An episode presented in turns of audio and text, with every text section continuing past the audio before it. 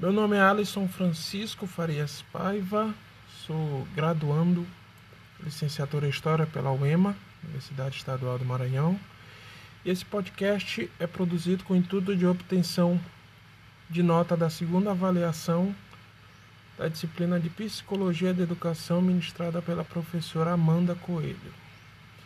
A questão a ser discutida nesse podcast é a seguinte: afinal, qual o papel do professor frente ao processo de aprendizagem no contexto educacional que estamos vivenciando?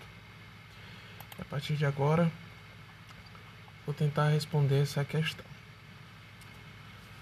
As relevantes modificações sofridas por nossa sociedade no decorrer do tempo, dentre elas o desenvolvimento tecnológico, o aprimoramento de novas maneiras de pensamento sobre o saber e sobre o processo pedagógico, tem refletido principalmente nas ações dos alunos no contexto escolar, o que tem se tornado ponto de dificuldade e insegurança entre professores e agentes escolares, resultando em forma de comprometimento do processo ensino-aprendizagem.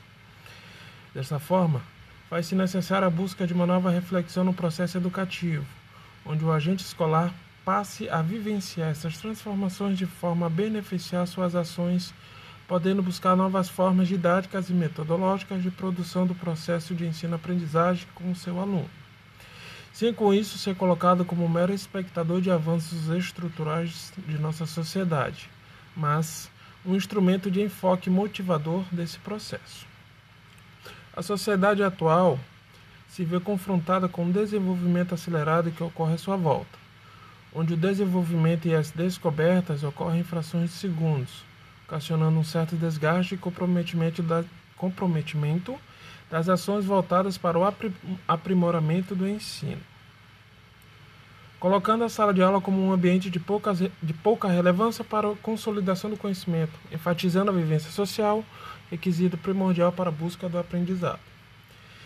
Diante do exposto e facilmente observado, que a busca pelo conhecimento não tem sido foco de interesse principal da sociedade, pois a atualização das informações tem ocorrido de forma acessível a todos os segmentos, satisfazendo de uma forma geral os interesses daqueles que as buscam.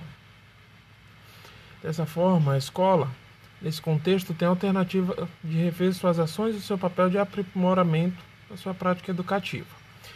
Sendo que uma análise sobre seus conceitos didático-metodológicos precisa ser feita de forma a adequar sua postura pedagógica ao momento atual e, principalmente, colocar-se na posição de organização principal e mais importante na evolução dos principais fundamentos de uma sociedade, cumprindo assim sua função transformadora e idealizadora de conhecimentos científicos filosóficos, pautando o resultado de suas ações em saber concreto. O processo educacional sempre foi alvo de constantes discussões e apontamentos que motivaram sua evolução em vários aspectos, principalmente no que tange a condução de metodologia de ensino por nossos educadores e a valorização do contexto escolar formador para nossos alunos. Enraizada na sociedade de classes escravistas da Idade Antiga, destinada a uma pequena minoria, a educação tradicional iniciou seu declínio já no movimento renascentista, mas ela sobrevive até hoje apesar da extensão média da escolaridade trazida pela, pela educação burguesa. A educação nova, que surge de forma mais clara a partir da obra de Rousseau, desenvolveu-se nesses últimos dois séculos e trouxe consigo numerosas conquistas, sobretudo no campo das ciências, da educação e das metodologias de ensino. Tanto a concepção tradicional de educação quanto a nova amplamente consolidadas terão um lugar garantido na educação do futuro. Diante de inúmeras transformações sociais, onde informações e descobertas acontecem em frações de segundo, processo de desenvolvimento da escola entra na pauta como um dos mais importantes aspectos a ser discutido neste processo, pois é nela que são promovidas as mais importantes formulações teóricas sobre o desenvolvimento cultural e social de todas as nações. Dessa forma, a pesquisa educacional acaba tomando lugar central na busca de perspectivas que possibilitem uma nova prática educacional envolvendo principalmente os agentes que conduzem o ambiente escolar, transformando o ensino em parte integrante ou principal na motivação dessas transformações. Com as constantes modificações sofridas por nossa sociedade no decorrer do tempo, dentre elas o desenvolvimento de tecnologias e o aprimoramento de um modo de pensar menos autoritário e menos regrado, Os agentes educacionais e a escola, de uma maneira geral, vêm vivenciando um processo de mudança que tem refletido principalmente nas ações de seus alunos e na materialização destas no contexto escolar.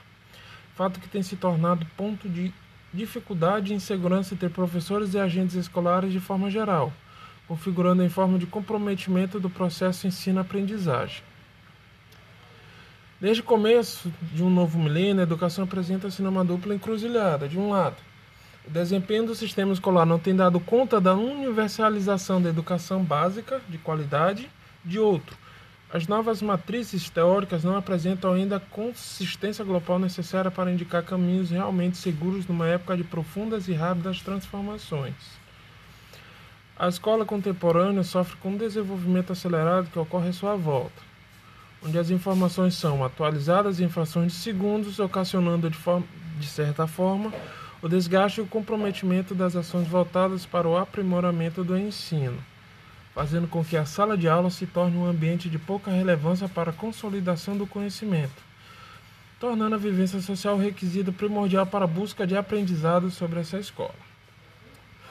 Como educadores, não devemos identificar o termo informação como conhecimento, pois, embora andem juntas, não são palavras sinônimas. Informações são fatos expressão, opinião que chegam às pessoas por ilimitados meios em que se saiba sem que se saiba os efeitos que acarretam. Conhecimento é compreensão da procedência da informação, da sua dinâmica própria e das consequências que dela advêm, exigindo para isso um certo grau de racionalidade. A apropriação do conhecimento é feita através da construção de conceitos que possibilitam a leitura crítica da informação, processo necessário para a absorção da liberdade e autonomia mental.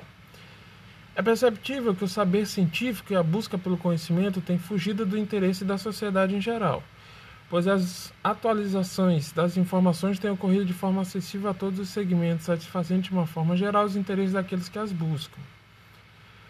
A escola, nesse contexto, tem por opção repensar suas ações e o seu papel no aprimoramento do saber. E para isso, uma reflexão sobre seus conceitos didático-metodológicos precisa ser feita de forma a adequar-se ao momento atual e principalmente colocar-se na postura de organização principal e mais importante na evolução dos princípios fundamentais de uma sociedade. Sobre essa temática, é, será preciso trabalhar em dois tempos: o tempo do passado e o tempo do futuro. Fazer tudo hoje para superar as condições do atraso e ao mesmo tempo criar as condições para aproveitar o amanhã, para aproveitar amanhã as possibilidades das novas tecnologias seja qual for a perspectiva que a educação contemporânea tomar. Uma educação voltada para o futuro será sempre uma educação contestadora, superadora dos limites impostos pelo Estado e pelo mercado. Portanto, uma educação muito mais voltada para a transformação social do que para a transmissão cultural. Desta forma, a prática pedagógica dos agentes educacionais no momento atual, bem como a condução do processo ensino-aprendizagem na sociedade contemporânea, precisa ter como premissa a necessidade de uma reformulação pedagógica que priorize uma prática formadora para o desenvolvimento, onde a escola deixe de ser vista como, como uma obrigação a ser cumprida pelo aluno e se torne uma fonte de efetivação de seu conhecimento intelectual que o motivará a participar do processo de desenvolvimento social, não como mero receptor de informações, mas como idealizador de práticas que favoreçam esse processo. Na sociedade da informação, a escola deve servir de bússola, de bússola para navegar nesse mar do conhecimento, superando a visão utilitarista de só oferecer informações úteis para a competitividade e para obter resultados. Deve oferecer uma formação geral na direção de uma educação integral. E o que significa servir de bússola? De bússola? Significa orientar criticamente, sobretudo as crianças e jovens, na busca de uma informação que os faça crescer e não endurecer. A escola deixará de ser lecionadora para ser gestora, de conhecimento.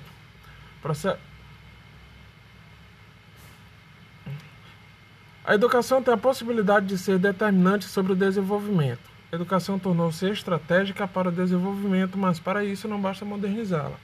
Como querem alguns, será preciso transformá-la profundamente. Professor, nesse contexto, deve ter em mente a necessidade de se colocar em uma postura norteadora do processo ensino-aprendizagem, levando em consideração que sua prática pedagógica em sala de aula tem papel fundamental no desenvolvimento intelectual de seu aluno. podendo ele ser o foco do crescimento ou de introspecção do mesmo da sua aplicação metodológica na condução da aprendizagem. Sobre essa prática, é, o educador é o mediador do conhecimento diante do aluno, que é o sujeito de sua própria formação. Ele precisa construir conhecimento a partir do que faz, e para isso também precisa ser curioso, buscar sentido para o que o faz e apontar novos sentidos para o que fazer dos seus alunos. Os educadores, numa visão emancipadora, não só transformam a informação em conhecimento e a consciência e em consciência crítica, mas também formam pessoas. Diante de falsos pregadores da palavra, dos marqueteiros, eles são os verdadeiros amantes da sabedoria. Os filósofos de que nos falava Sócrates é,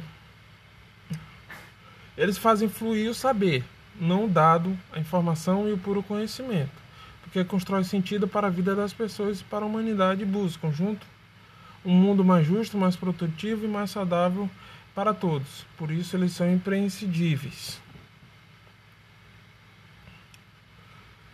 Os novos tempos exigem um padrão educacional que esteja voltado para o desenvolvimento de um conjunto de competências e de habilidades essenciais, a fim de que os alunos possam fundamentalmente compreender e refletir sobre a realidade, participando e agindo no contexto de uma sociedade comprometida com o futuro. Assim, faz-se necessária a busca de uma nova reflexão no processo educativo, onde o agente escolar passa a vivenciar essas transformações de forma a beneficiar suas ações, podendo buscar novas formas didáticas e metodológicas de promoção do processo ensino-aprendizagem com o seu aluno sem com isso ser colocado como mero espectador de avanços estruturais de nossa sociedade, mas como um instrumento de enfoque motivador nesse processo.